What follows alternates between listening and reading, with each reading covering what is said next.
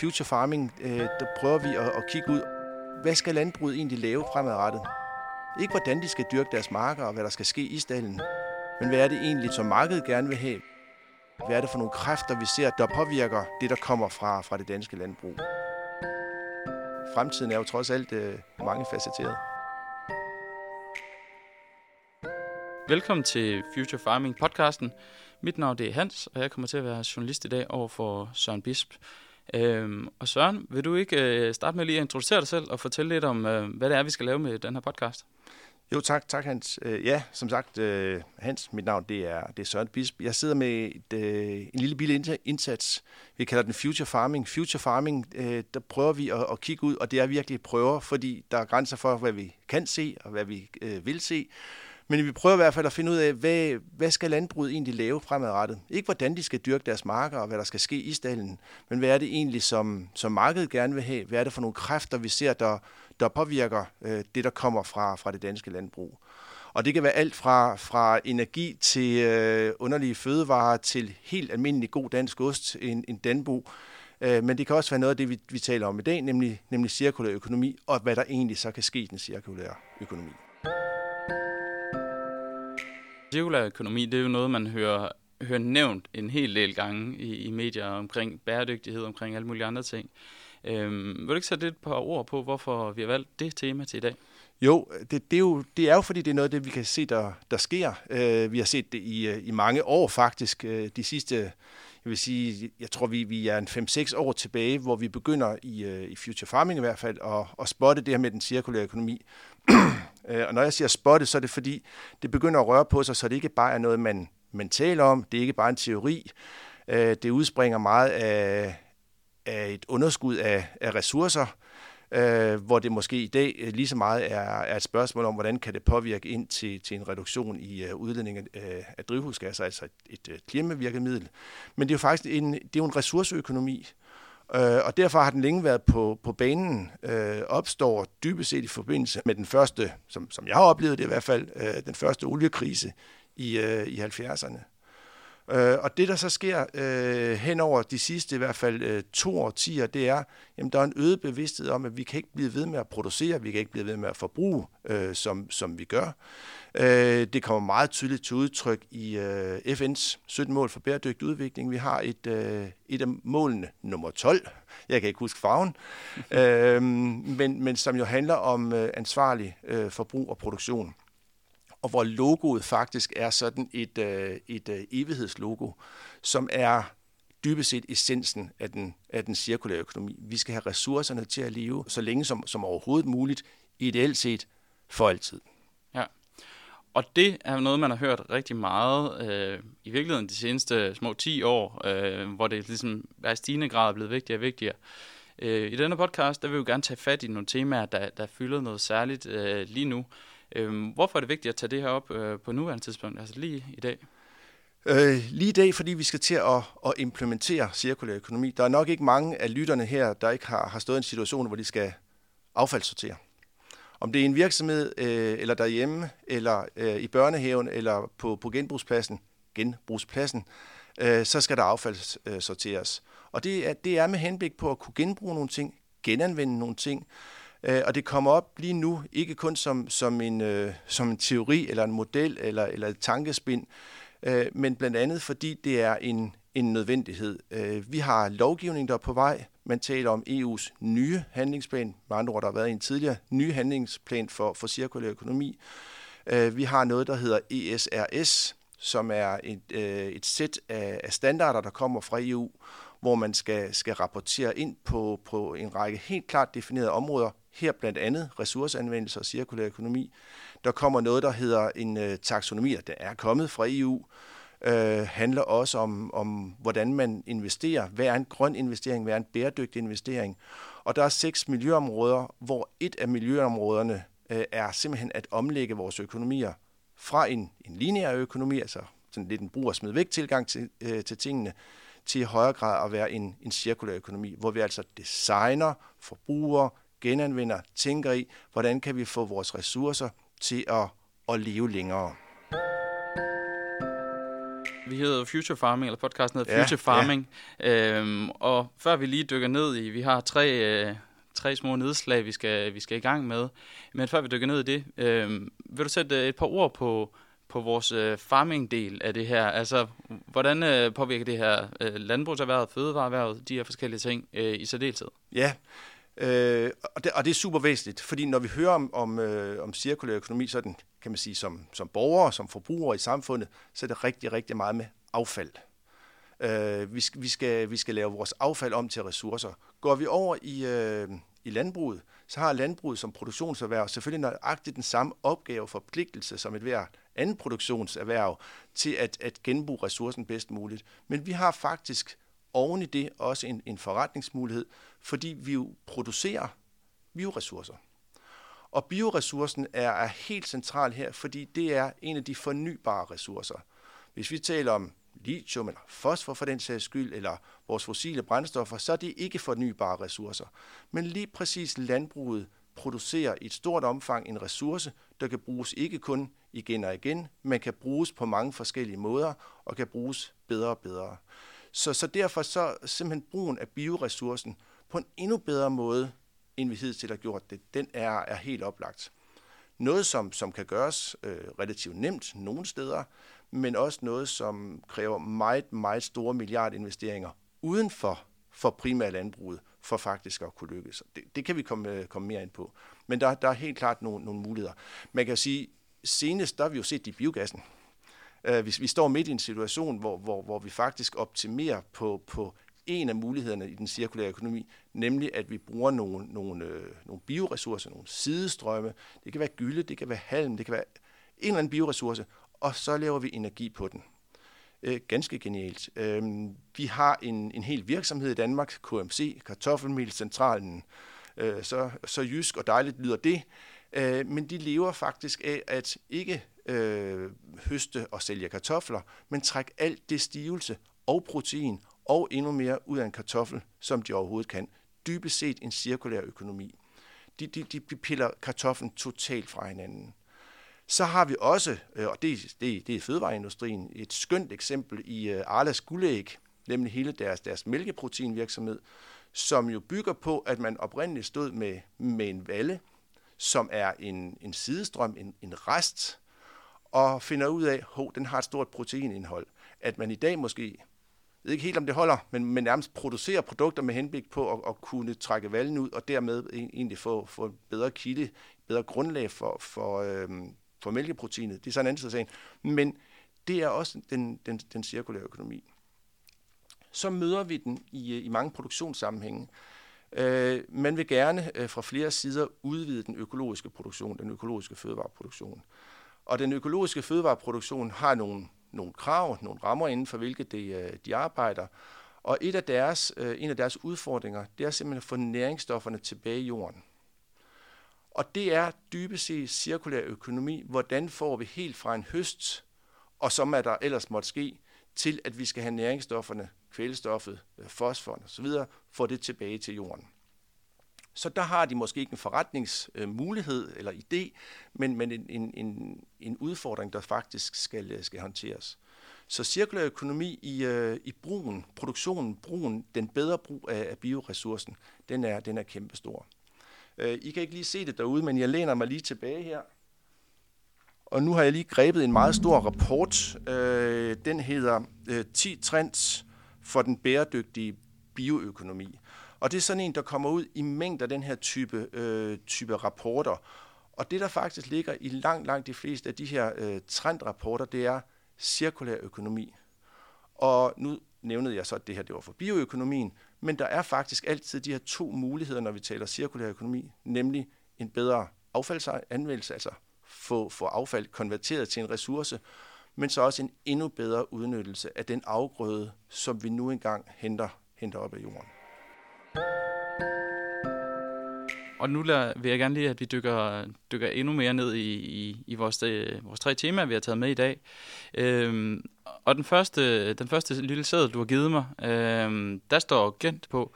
Og jeg går ud fra, at ja. øh, du har lavet andet end at være nede og spise øh, belgiske vafler i, i Gent. Ja, givet, jeg havde nødt at få en belgisk vaffel. Jeg fik ikke engang øh, hvad hedder det, de her blåmuslinger med, med pomfritter. Men ja, jeg har været igen et, øh, et par dage. Øh, et øh, stort EU-program, øh, dem er der mange af. Øh, de er alle sammen i et stort omfang faktisk orienteret mod et mere bæredygtigt Europa. Den her konference helt konkret øh, drejede sig om, at en række forskere skulle udveksle øh, nogle status på, på en lang række projekter. Alle sammen projekter, alle sammen idéer, muligheder for en mere bæredygtig øh, hvad hedder det, afgrødeproduktion.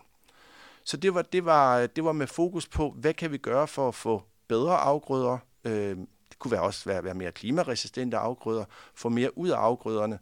Øh, og et af sporene, det var simpelthen, øh, det var simpelthen cirkulær økonomi kan vi så ikke lige så godt tage fat i, hvad, hvad var det, du ja. oplevede dernede? Altså, hvad var det, hvad var det øh, de her sessioner, du har været til, øh, ligesom gik ud på? Ja, nu står jeg lidt her og, og sådan øbø på den, fordi øh, jeg vil ikke sige, at jeg var, øh, jeg, jeg var ikke, som man er begyndt at sige på, på godt dansk, blown away. Øh, der var nogle, øh, nogle projekter, som egentlig omhandler øh, almindelig god, fornuftig omgang med, med, øh, med råvarer. Øh, for at starte i den meget, meget øh, lette ende, jamen, så er der et, øh, et projekt, og undskyld til de, til de store projekter her, men der var et projekt, der faktisk handlede om, at man havde en, en overskudsproduktion af flere årsager. Så kunne man stå med, med flere tons øh, jordbær, øh, 100 tons øh, solbær, øh, alle mulige bærtyper, så er vi over i, i den bærproducerende del af landbruget. Øh, og, så, uh, og hvad kan vi så lige gøre ved dem? Så har de fået den... Øh, nu udstiller det lidt, men de havde fået den geniale idé, at de kunne jo lave juice, og de kunne lave øh, forskellige puréer og marmelader osv., og, så og, og, og det tror jeg sådan set, man gjorde i forvejen. Det var så forskningen i det, og det er der jo for mig ikke noget nyt i, for det gør jeg dybest set også derhjemme, med, med, med de reps og solbær og, og øh, stikkelsbærbuske, jeg har derhjemme. Øh, så var der et andet projekt, som dybest set havde det samme afsæt. Det var så, øh, når man lavede suppe, jamen så har du, så har du noget afskær. Øh, det kan være fra tomater, det kan være fra gulerødder, det kan være fra, fra rodselleri. Og hvordan kunne man egentlig udnytte det bedre? Typisk var det for eksempel gået ud til foder til grise. Øh, det var også gået til biogas. Men hvordan kunne man egentlig bruge de her råvarer bedre? De er jo allerede godkendt til, øh, til fødevarer. Dybest set kunne man gøre det samme som de her bærproducenter. Men det, der blev interessant her, det var, at de begyndte også at regne på effekterne af det. For man kan sige, at alt det her fint nok, men hvis vi skal optimere øh, og få en endnu bedre udnyttelse af vores bioressource, så hvad kan bedst betale sig? Hvornår kan det betale sig for eksempel at investere yderligere i et produktions- eller procesanlæg, et bioraffineringsanlæg, øh, en videreudvikling af en ny teknologi? Hvornår kan det betale sig? Det kan det jo først, hvis vi kan få endnu mere ud af bioressourcen, end vi fik før. Så de havde lavet sådan nogle øh, valoriseringsmodeller for, øh, hvordan det havde en effekt på klima og på biodiversitet, på natur, øh, på en række andre faktorer, jeg ikke kan huske. Øh, men det begynder at blive interessant, når vi kan gå fra den her kun proof of concept, altså er der noget, der virker, til faktisk også at få et proof of impact, ja, og det har den og den effekt, så begynder det at blive interessant. Og det er noget, der, der, der absolut er vigtigt for den, for den cirkulære økonomi. Så var der også nogle meget mere sådan forskningstunge, hvor de gik ind blandt andet og behandlede nogle, nogle planter for at se, om de kunne holde i længere tid og give et større udbytte i nogle, nogle, øh, nogle bestemte øh, produktionsgrene, om det kunne øge øh, indholdet af nogle forskellige aktive stoffer. Øh, man arbejdede med nogle forskellige biostimulanter osv. Og det er, jo, det er jo der, hvor det forskningsmæssigt begynder at blive rigtig interessant. Kan vi faktisk få en afgrødetype, som vi kan få mere ud af? Fordi det kan godt være, at det, vi kan få ud af det, simpelthen er for lidt til at det forretningsmæssigt er interessant. Men hvad nu, hvis der var et større indhold af den aktive ingrediens, eller hvad det nu måtte være. Øh, og det var super spændende, og det, det tror jeg er en retning, som man vil se, øh, ikke bare i, i de her projekter, men i rigtig mange projekter rundt omkring. Hvordan kan vi faktisk optimere afgrøderne til at få noget mere ud af den? Ja, og jeg hører dig sige, sige det her med, at, øh, at du har meget øje for fremtiden, og det er jo også det der, det ligesom handler om future farming. Ikke? Men, øh, men der er vel også en pointe i det her med, øh, som de to første eksempler, du nævner, øh, det er måske lidt for tygt at sige, de lavt hængende frugter, men i hvert fald altså det her med at, at, at optimere i, i bredden og, og udvikle nye metoder på, hvor, hvordan det kan ligesom, øh, man, kan, man kan anvende det, det hele. Øh, det er der vel også noget fremtid i? Det er der, det er der absolut fremtid i. Øh, og, og, og noget af det, som i øvrigt også, øh, også præsenteret der på, øh, de talte om den her elefantgræs, elefantgræs, som vi har også, også i Danmark, som, øh, som blandt andet hvad hedder det, energi, energiafgrøde. Men hvordan elefantgræs er, er en rigtig, rigtig god øh, afgrøde at bruge i, men det er så det, man kalder første generation, men faktisk bruge i biobaserede materialer. Øh, men det er absolut en vej, og lige den der øh, rapport, jeg talte om før med, med, med de her 10 trends, jamen det er nok der, hvor man ser det aller, aller største potentiale fremadrettet, det er faktisk i højere grad også at lave biobaserede materialer. Fordi en cirkulær økonomi, så kan du stadigvæk lave din fødevare, du kan lave dit foder, du kan lave det, som du egentlig gør i din primære produktion. Det vi kan kalde en, en første generations anvendelse af det. Men går man så ind i den cirkulære økonomi og begynder at tænke de her forskellige kaskadeudnyttelser, som man kalder det i, i den cirkulære økonomi, når vi taler om bioressourcer, øh, jamen så kan du jo også trække ting ud, for eksempel sukkerarter, du kan bruge til polymerer, som du kan bruge faktisk til at lave en biobaseret øh, pose eller biobaseret plastik. Det er helt genialt. Det er blandt andet noget af det, øh, vi har jo arbejdet rigtig meget med, med, med græsprotein, græsprotein, men der er mere i græsset end protein. Så det vi, det vi mister, øh, når vi har lavet eller trukket protein ud, jamen så har, vi en, så har vi en eller anden form for kage, vi kan bruge den til foder, vi kan nedmulde den, vi kan putte den i biogassen. Men kan vi noget inden da? Ja, det kan vi. For der er faktisk nogle rigtig interessante ingredienser i, som kan bruges til noget helt andet. Ikke nødvendigvis fødevarer, men eksempelvis også biobaserede materialer. Det er der fremtid, lyder det til. Absolut. absolut. Og, og jeg er simpelthen nødt til at køre videre med den her, Hans, fordi øh, noget af det, man også taler om, der er også nogle danskere øh, ind over øh, nogle af de her projekter, både, både rent kommercielt, men også forskningsmæssigt, det er, at du kan faktisk lave eksempelvis en bildør eller et tag. Det kan du faktisk lave, hvad hedder det, lettere, altså det vejer mindre og stærkere end eksisterende øh, metal stålbaserede bildør. Det er jo et sindssygt potentiale. Fordi et er, at det så pludselig bliver biobaseret, altså en fornybar ressource, men det vil faktisk også i højere grad kunne genanvendes, og du står faktisk med en billigere, ikke billigere nødvendigvis, men en lettere bilkonstruktion, som så igen gør, at der er et mindre øh, ressourceforbrug, når den skal køre, uanset om det er grøn el eller om det er sort diesel. Så der er nogle meget, meget, meget, meget spændende perspektiver i det. Ja, det vil jeg sige, for at tage dit eget øh, nydanske ord, øh, mindblown, i, øh, i, i anvendelse. Ja.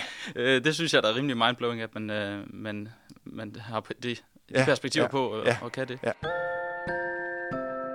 Nu vil jeg gå videre til, til næste lille label, jeg har fået fra dig, og, og det hedder GUDP-konference. Øh, øhm, og øh, GUDP, øh, det kan være, du vil fortælle mig, hvad det er. Øh, ikke for, for at udstille mig selv og min uvidenhed, men, men, øh, men... Nu, øh, nu smiler du allerede i, øh, i mikrofonen, Hans.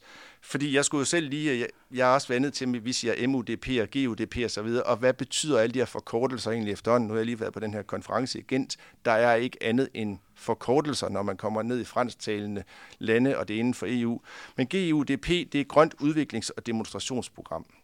Og det, der er det spændende øh, i det program, det er, at det, det er faktisk vores vores egne midler, det er, det, er, det er skattekroner, og jeg siger det på den måde, fordi det er jo et langt stykke øh, hen ad vejen jo er hjælp til, til selvhjælp, det her. Men det er en, nogle store puljer af, af penge, som man kan søge om øh, og få, få andel i, hvis ens idé er, er god nok. De holder en årlig konference, de har typisk nogle temaer, og i år, der er, øh, der er temaet, det er fødevare, øh, det er i hvert fald et hovedtema, Øh, og der er jeg inviteret ind sammen med andre til at tale om, hvad, hvad kan vi forestille os, der er behov for rent forskningsmæssigt, rent investeringsmæssigt, rent øh, forretningsmæssigt, hvis vi skal have nogle andre bedre fødevarer. Når jeg siger andre bedre, så er det igen med utrolig stor fokus på nedsæt udledningen af drivhusgasser, få mere areal ind til natur. Det er meget de to ting, de, de kører på. Og så også vigtigt, når vi taler øh, cirkulær økonomi, og hvis vi taler over til, øh, til de store EU-strategier, de taler faktisk også om et giftfrit samfund. Og det er utrolig vigtigt i den her sam- sammenhæng, fordi man kan faktisk gøre meget cirkulært, men det er faktisk ret giftigt at gøre det. Øhm, men men det, er, det, er, det er et, øh, et program, det er en konference, øh, og jeg skal tale om, øh, om øh, cirkulær økonomi og fødevare. Og, og det, er, det, er en, det er en lidt anden historie, end det vi lige har talt om nu, fordi for det første, så er det jo noget med, at noget skal kunne godkendes til fødevare. Øh, samtidig så er det et spørgsmål om, at vi er i en del af nogle værdikæder, hvor vi jo allerede har taget en, en ressource ud, øh, og der må, der må det kunne have været nogle sidestrømme undervejs, som man ligesom har brugt til noget, og så står vi med, med en fødevare. Men selve fødevareproduktionen kaster jo også noget af sig. De har også en affaldsfraktion. Øh, og noget af det, man, man taler mest om, nu nævnede jeg de her med, med øh, ja, de lavt hængende frugter og grøntsagerne i starten, det er jo et af eksemplerne. Men et andet eksempel, vi har øh, herhjemme faktisk, øh, en virksomhed, der hedder um, Circular Technologies. De har lavet et, et produkt, et koncept, et mærke, det hedder Agrain, og vi kan næsten høre, hvor det bærer hen af. Uh, og det er baseret på mask, altså den her uh, restproduktion, den her sidestrøm, der kommer ved ølbrygning. Så der, der har vi jo fat i noget, øh, i noget maltbyg, som har været igennem hele, hele processen, og så står man faktisk med noget, som man til har kunnet bruge som kvægfoder. Genialt. Masser og masser af næring i det. Du kan også bruge det i, øh, i biogassen. Genialt. Men du kan også det, man kalder upcycle det. Og det vil sige egentlig tage noget, som allerede er fødevaregodkendt, og så kan du af det her trække proteiner ud, øh, fibre, hvad det måtte være. Og det, at Grain gør, det er, at de laver faktisk mel og de laver snacks, og det fungerer perfekt, og det smager sindssygt godt, og det er super sundt. Du siger, det smager godt. Altså, jeg går ja. næsten ud for, at du har smagt noget af det så. Ja, jamen, jeg har smagt det. Jamen, det, er, jamen, det er i handelen. Det er i handelen, og de, de, de, de, de, er, de, er, de er sindssygt øh, dygtige. Øh, databaseret, det, det er datafolk øh, rigtig meget øh, fremadrettet vil være meget databaseret, fordi vi er ude og optimere på, på nogle marginaler. Øhm, men, men det er databaseret forstået på den måde, at de egentlig kan kreere de smage, øh, de vil. Man kan sige, at masken fra noget, vi måske tror er en, er en, en meget sådan generisk, øh, harmoniseret ølproduktion, øh, den kan være meget, meget forskellig, afhængig af hvilken øl du brygger. Afhængig af hvilket bryggeri det kommer fra. Så du står dybest set, som hvis det var te eller kaffe eller druer til, til, til øh, hvad hedder det, vinproduktion. Du står med noget, som har forskellige smagsnoter i sig. Og det vil sige, jamen det skal du kunne håndtere. Og hvis du vil lave en ensartet produktion, så skal du faktisk, ligesom med vinproduktionen, i et kooperativ, der gerne vil presse den samme vin ud, øh, eller levere den samme vin i hvert fald øh, hver, hver det eneste år, jamen så skal du kunne optimere brugen af de her masktyper eller lave en, øh, en designer, en designermel, eller en designersnack, eller en designerchokolade, eller hvad det nu måtte være. Og det, det, det, det er altså eminent dygtige til. Det, øh, det lyder interessant, at man ud af, af for eksempel ølproduktion kan både lave øllen og lave snacken til ja. øllen. ja, og det er altså også noget, bryggerierne er interesseret i. Ja. Du, øh, nu skal vi jo tale lidt, uh, lidt fremtidigt, og det, det lyder allerede relativt futuristisk, selvom det er noget, der, der du siger, det allerede ja, er det er jo to sider. Det, det, det findes allerede, ikke også? Men får det fat, bliver det en del af vores fremtid. Det, det er jo nok det, det, er jo det der bliver spændende. Og, og det er jo også derfor, at mit næste spørgsmål øh, presser sig lidt på. Det, det er jo det der med, som du også har været inde på, det her med data, og hvordan, hvordan får vi det her til et spil, så at når at, øh, en, øh, min, min mor skal ned i, i, i Netto og hente en, en snack til sin, øh, til sin rødvin fredag aften, at hun så vælger den her frem for en anden, altså hvordan kan vi bevise, at det er at, at det her det er godt, og hvordan kan de bruge det i markedsføring? Alle de her forskellige ting her, altså fordi vi skal yeah. jo kunne tilvejebringe noget, noget yeah. viden før. Yeah. At, ja. Uh, nu er vi ved at falde i den her vidensfælde, uh, som man også gør, når man siger, jamen, hvordan, hvad er det klimarigtige valg? Uh, hvordan kan vi bæredygtighedsmærke uh, en fødevare, så man kan vælge det ene frem for det andet? Uh, spørgsmålet er et langt stykke hen ad vejen. Uh, nu har jeg tilfældigvis en, en, en baggrund inden for, for, for fødevare- og forbrugeradfærd. Uh, er det overhovedet vejen at gå i brugen af data? Data skal bruges til at optimere, uh, måske på noget omkostningsstruktur og smag osv., hvis ikke hun kan lide det, hvis ikke det har den rigtige tekstur, den forventede smag, den farve, hun forestiller sig, den snack skal have, og i øvrigt det prispunkt, som hun normalt gerne vil handle ind til, jamen så rammer vi hende ikke. Så kan vi bruge alle mulige mærkninger, data, optimeret efter, alt muligt venligt øh, på, men det skal i et stort omfang øh, ramme det, hun, hun har en forventning om. Vi er dybt konservative, når det drejer sig om vores, vores madforbrug. Det kan godt være, at vi begynder at spise øh, pasta og pizza, men grundlæggende er vi, er vi meget, meget konservative. Og det vil sige, at den her slags produkter, og det er også det, dem her ved, ved uh, Circular Technologies er dygtige til, det er at forstå, hvad er forbrugerforventningen? Ikke kravet, men forventningen, og så matche den. Vi har det meget over i, øh, når vi taler om øh, stamcellebaseret, og det var ikke lige for, for, for forlade den, øh, og så alligevel, men det stamcellebaserede, altså kultiveret kød, øh, stamcellebaseret mælk osv., hvorfor kalder man det kultiveret kød? Øh, hvorfor har vi set inden for det plantebaserede, det hedder et eller andet med noget med noget kød? Det er fordi, Vi skal ramme ideelt set, for det er der volumenerne er, og det vil, det vil sige, det er der forandring, impacten er i forhold til de her forretninger. Vi skal ramme noget, man kender. Øh, og nu sagde jeg lige det der med det kultiverede, så kan vi forlade den, men det er faktisk også et, et meget, meget futuristisk, øh, men ufattelig spændende område at kigge ind på. Og hvorfor, når vi taler om det her? Fordi de kan bruge sidestrømme. De kan bruge øh, noget helt andet fra landbruget, end vi normalt jo fodrer en ko, nogle ko rimelig god til at, til at fordøje, men, eller en kylling eller en gris med. Så når vi taler om de her celler, øh, som skal opformeres i nogle bioreaktorer, så kan vi faktisk begynde at bruge, altså fodre dem med et mix af et eller andet, vi kan kalde designerfoder. Det er det jo et stort omfang derude allerede, men noget designerfoder, som er trukket ud af alle mulige forskellige bioressourcer. Øh, sidestrømme, affaldsprodukter, om det er fra rødkål, eller om det er fra, fra bladcelleri, eller ærter, eller, eller ru, det kan et eller andet sted være ligegyldigt. Der skal bare til sidst være en eller anden form for, for en foderkomponent, som en given type celler kan vokse på. Vildt spændende perspektiv. Dybt cirkulært. Og, øh, og som du siger, så tror jeg, at du har en, en, eller det ved at du har en god pointe i det der med, at når man står nede i, i butikken og, og skal købe det, jamen, så skal det også være noget, øh, man har, altså, køberen har en genkendelse i. Jeg kan huske, at jeg selv havde... Øh, på Roskilde Festival, der var øh, de her oh ja.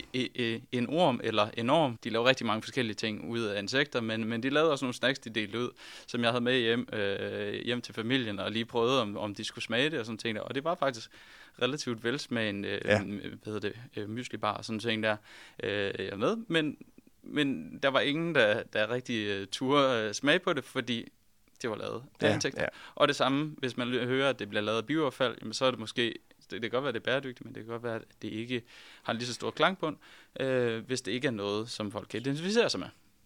Og, og, og, og nikke genkendende til, ikke bare nikke genkendende til, men faktisk også med genkendende på. Vi, det, det, det går jo hen og bliver lidt anekdotisk, men vi havde faktisk her i, øh, her i Sikkes for noget tid tilbage, min, min kollega og jeg, vi havde fået øh, netop sådan noget, noget mel hjem, øh, øh, ormebaseret mel, øh, og så lavede vi en lille happening, øh, og vi øh, havde lavet et kæmpe banner, hvor der stod, det, øh, det kribler i bollerne. Sjovt, sjovt. Men det, der lå i det, det var, at vi serverede øh, helt almindelige boller. Øh, og de var vidderligt helt almindelige, og folk kunne se, at det var en morgenbolle, de kunne smage det, de, den fungerede.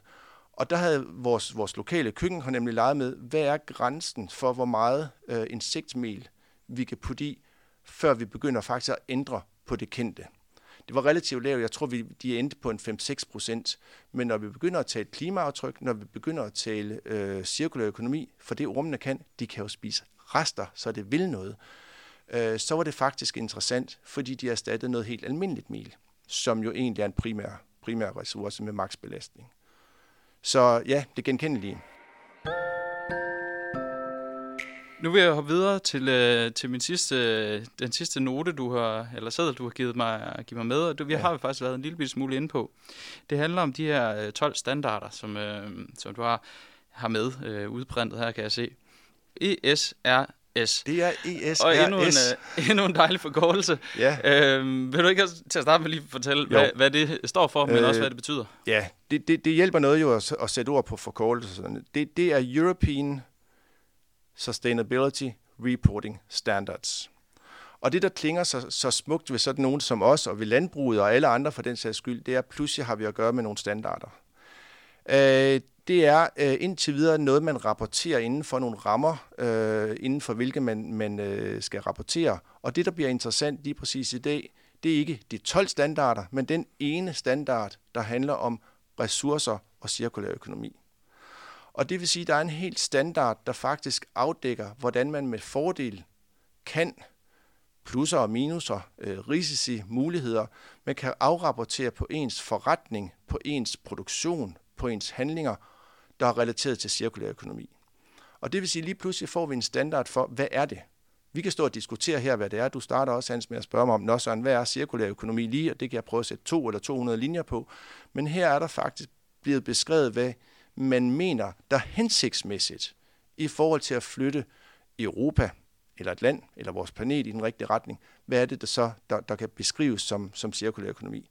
Og det skal man så til at rapportere på. Hvem skal lytte på det her? Altså, hvem er det her, øh, hvem er de her standarder til? Øh, de, de er faktisk til, til os alle sammen. Øh, forstået på den måde, at det, det bliver lov. Og øh, de bliver faktisk via et uh, direktiv, der, der er blevet, blevet øh, vedtaget parallelt, øh, der bliver de faktisk indført som lov. Og det vil sige, at for eksempel i Danmark, vi har en, øh, en lovpligtig redegørelse for, for samfundsansvar, en paragraf 99, øh, tilbage fra, fra 2018, tror jeg den er. Og den bliver simpelthen, som vi oplever det og har hørt det og forstået det, simpelthen erstattet af det her direktiv og af de her 12 standarder. Så hvem skal bruge dem? Jamen, hvor man i Europa, de bare lige for at perspektivere det, hvor man i Europa på de gamle standarder, der var for den her slags ting i Europa, der var cirka 11.000 virksomheder, der lovpligtigt skulle rapportere på det. Så vil der nu være cirka øh, eller knap og nap 50.000 europæiske virksomheder. Har det noget med landbruget at gøre i Danmark? Ja, for der er faktisk en 75-100 virksomheder, landbrugsvirksomheder, der har en størrelse i dag, og vi taler ikke om Arla og DLG eller Danish Agro, vi taler om primærproducenter, som har en størrelse i dag, som gør, at de faktisk lovpligtigt skal til at rapportere inden for de her rammer. Det bliver også vigtigt for os alle sammen, fordi det giver en større øh, hvad hedder det, gennemsigtighed. Både når vi taler om, hvordan kan vi egentlig for eksempel mærke, øh, deklarere vores, vores produkter, hvordan kan vi investere, når vi køber noget, øh, hvad, er, hvad er gennemsigtigheden over til det. Og så, og det er også afgørende her, man begynder at tale om et værdikædeansvar. Det er ikke, fordi man ikke har talt om et værdikædeansvar tidligere, men der skal faktisk hvad hedder det, rapporteres på værdikædeniveau. Det vil sige, at en virksomhed, det kan være en bank, det kan være en fødevareproducerende virksomhed, øh, en detailhandelsvirksomhed, et hospital, øhm, de skal ikke bare rapportere for deres egen virksomhed, men faktisk også på vegne af dem, de køber fra, og dem, de sælger videre til. Og det betyder, at landmanden, den helt almindelige landmand, han kommer til at, at blive en del af nogens værdikæder.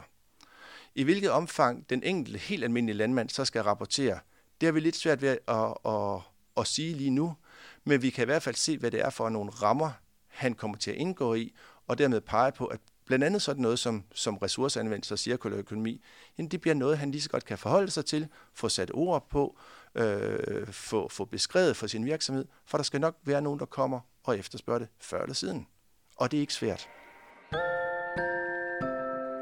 det ville jo være interessant at, at dykke ned i, i alle 12, og det vil nok være lidt langtrukken at gøre i dag, så, så lad os dykke ned i, i den øh, appen, som, som du har beskæftiget dig mest med.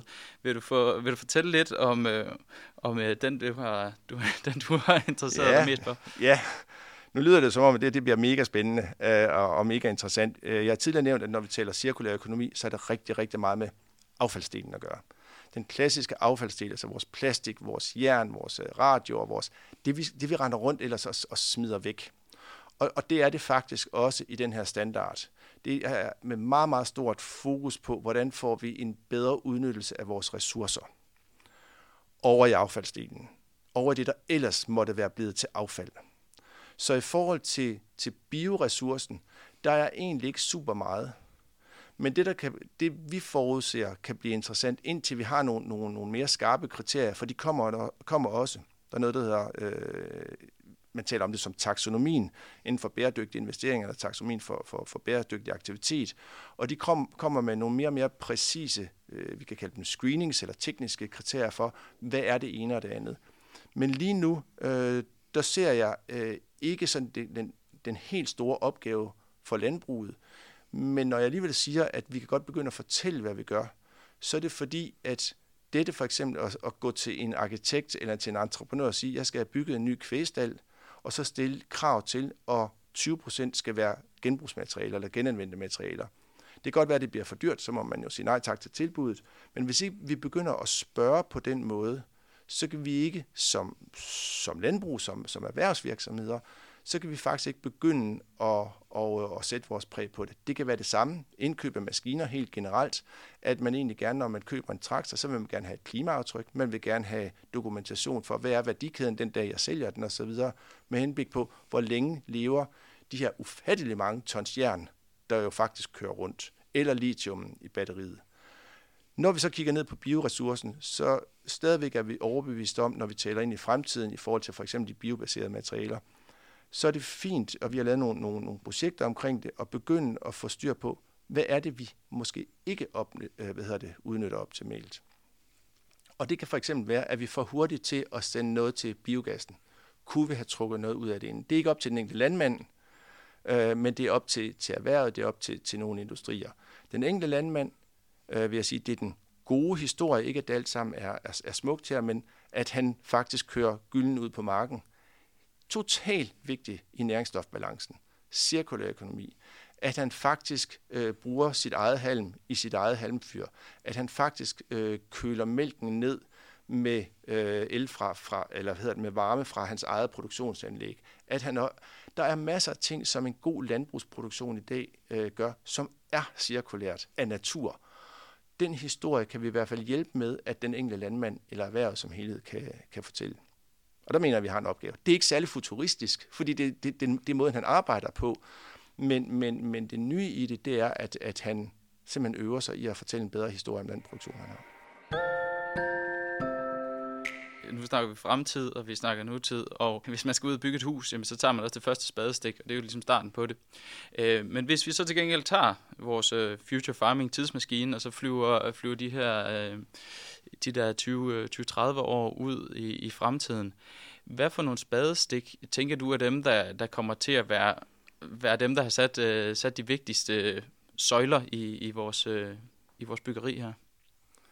Jeg, jeg er slet ikke i tvivl om, at de biobaserede materialer, at det, at vi, vi ville kunne, øh, dels med landbruget som nogen, der kræver, at noget skal være genanvendt, fordi lige nu taler vi meget om, at det skal kunne genanvendes, men vi er faktisk ikke begyndt at efterspørge det genanvendte endnu. Det er den ene vej. Men over i bioressourcer, det er meget de biobaserede materialer. Altså den, den, den tror jeg vildt meget på, og vi har det jo med at tro på ting, der ikke er, er sket endnu, fordi så er håbet lysegrønt men, men, men, men den er helt reel, øh, og vi har forskning, som viser, hvad der kan lade sig gøre. Vi har en efterspørgsel, som når vi rammer den rigtige pris, så kan det lade sig gøre. Og det betyder, at landmanden øh, måske vil skulle have nogle andre afgrøder, øh, men måske også vil kunne lette trykket i forhold til produktion af foder, fordi det alt andet lige, så vil, vil et, et, et mere, en mere bæredygtig øh, landbrugsproduktion, et mere bæredygtigt øh, hvad hedder det, øh, fødevaresystem, skulle have flere dyr. Om det lige er i Danmark, eller om det er i Nordtyskland, eller hvor hulen det er i verden. Men, men der er nogle ting, der, der flytter sig her. Og arealet kan bruges på mange måder. Så afgrøder, der kan bruges bedre i forhold til energi, materialer, fødevare, foder, øh, det tror jeg meget på. Og der har vi behov for det her. Jeg talte om det øh, i forhold til, øh, eller på baggrund af, af hvad hedder det, konferencen i Gent. Det her med at kunne sætte værdier på. Ikke bare, her har jeg en ton et eller andet, hvad, hvad kan jeg få for det? Men her har jeg en ton med nogle forskellige ting, hvad kan jeg få af værdier for det her mix af, af egenskaber eller ingredienser, eller hvad det nu måtte være i, i en given afgrøde. Så noget med, noget, noget med at kunne, kunne sætte værdier på, altså valorisering af, af en, en given afgrøde, måske sammen med andre afgrøder, men, men ellers de biobaserede materialer, fordi vi ved, vi kan. Det lyder også, som om der virkelig er fremtid i, i det. Jeg synes, jeg synes, vi har været, været rigtig godt omkring. Jeg er i hvert fald personligt blevet meget, meget, meget klogere på, på cirkulær økonomi, og det håber jeg også, at dem, der lytter med, er. Uh, har du uh, noget sidste, du, uh, du, du brænder ind med at vil, vil fortryde, at du ikke, har, uh, ikke fik med? Uh, Nej, det, det, det er nok egentlig bare, det har ikke noget med landbruget at gøre, det er besværligt affald så til, at man går hjem og gør det. Jamen, det er et dejligt konkret råd at, at sende, sende, lytterne, sende lytterne hjem med. Jeg vil sige tak, fordi du ville komme her og, og gøre mig og en hel del lytter klogere. Ja. Øhm, fornøjelse. Og så, øh, ja. Absolut en fornøjelse. Og jeg håber jo, vi, vi høres ved igen. Øh, fremtiden er jo trods alt øh, mange facetteret. Det er, det er bestemt planen. Så dykker vi ned i et, øh, i et andet emne øh, næste gang. Men øh, tak for det. Cool. Vi høres ved.